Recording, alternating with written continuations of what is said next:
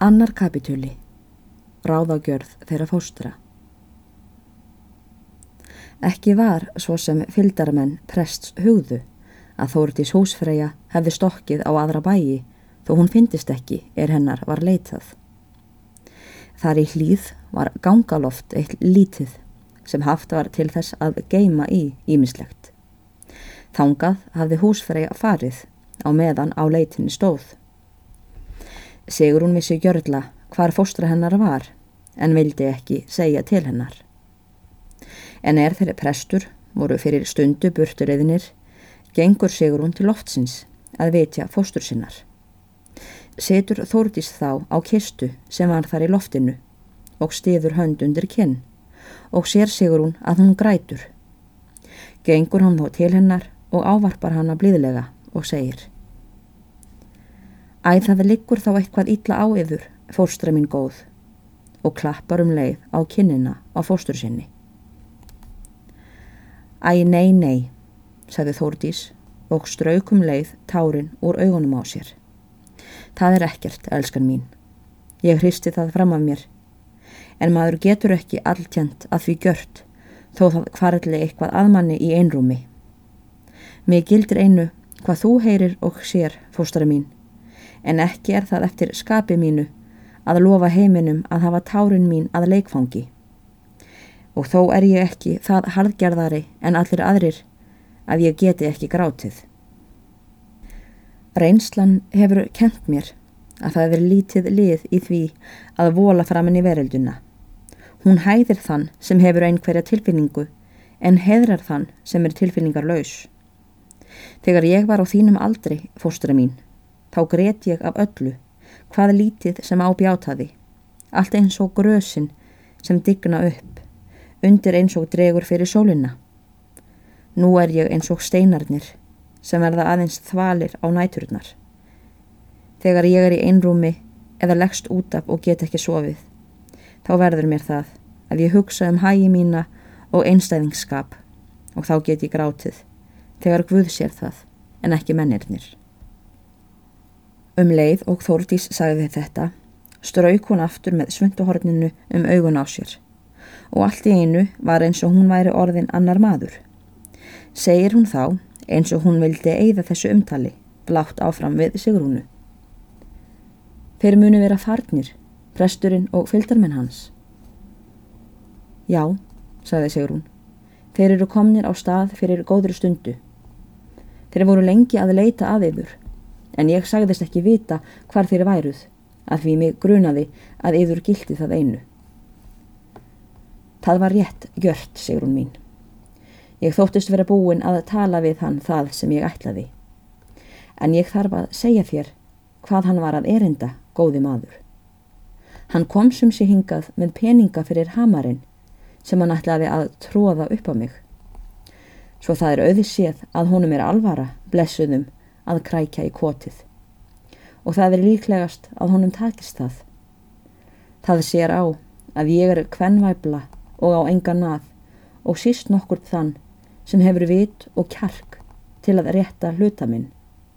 En svo er mér varið, segur hún mín, að heldur vildi ég vita það að verðið hans hamars gengi í málskostnaðin en að hans er að sigvaldi egnaðis nokkur tíma eina þúfu í honum því hann hefur farið að þessu öllu með ágerni og prettum. Það er að von þú segir það, fóstra mín góð, sagði Sigrún.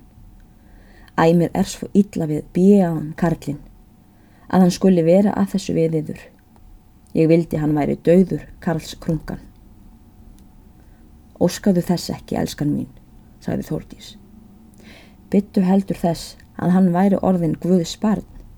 Það væri honum þarvara. Tókstu við peningunum af honum, saði Sigrún.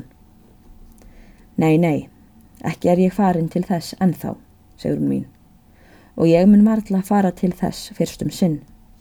Það skal verða annað hvort um það að hann aldrei fái hamar, ellegar þá eins og honum er kærast að hann njóti hans fyrir ekkert. Það varunar vilji minn ef allt fer eins og áformað er fyrir þér fóstra mín að einhver annar en sér að Sigvaldi er þið aðnjótandi Hamars. en það lítur svo út sem það uppfyllist ekki, þó ég hafi eitthvað hugsað. Sigurúnu rofaði í hvaða fóstra hennar átti við og segir Vilji þér ekki fóstra mín skrifa honum til og láta hann vita um þetta. Ég er viss um að hann vil styrkja yfir svo sem hann getur. Hverjum áttu við, Sigrún mín? Ég átti við, þú skrifaður honum þórarni til, sagði Sigrún og blóðuróðanaði út undir eiru.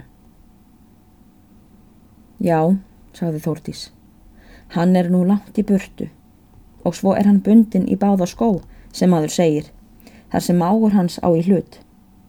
En ekki er það þarfirir, skildastan held ég hann vera til þess að styrkja mig, því ekki er það annars vegna að mig langar til að halda í jarðartetrið en að þið getjuð notið hennar.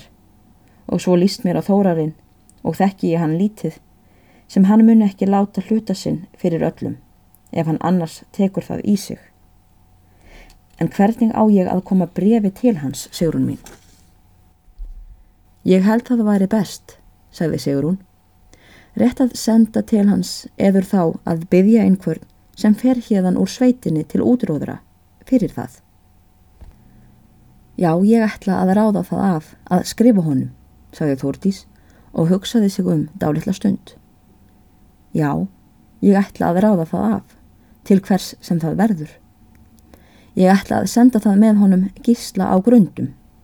Ég veit hann tekur af mér miða þegar hann fyrir söður og hann er trúr og ráðvandur. Þar fóstrur töluðu nú þetta mál og var það ráð þeirra að reyta Þórarni og segja honum hvar komiði sé. Skrifaði Þórdís sjálf brefið. Segir hún honum fyrst frá láti Sigurðar bóndasins og hver harmur sér hafi verið í missi hans. Síðan tjáur hún honum frá kaupmála þeirra Sigurðarheitins og prests og hvernig það hafi atvikast og að prestur telli nú hamar orðin sína eign. Byður hún Þórarinn ásjár um sitt mál. Og að lyktum lætur hún þórarinn ráða í að það sé ætlum sín að hann verði aðnjótandi þeirra efna er hún eigi ef hann eigi sigrúnu eins og ráð sé fyrir gjört. Og ræður hún honum að koma norður um voruð og taka við búi í hlýð þar til honum verði veitt brauð. Sigrún reytaði og þórarni bref eigi all stutt en ekki er þess getið hvert efninu var Líður nú fram veturinn og gjöra þær hlýðarfóstrur gísla á grundum orð að finna sig áður hann fari söður til róðranna og heitir hann því að fara ekki svo söður að hann finni þær ekki áður.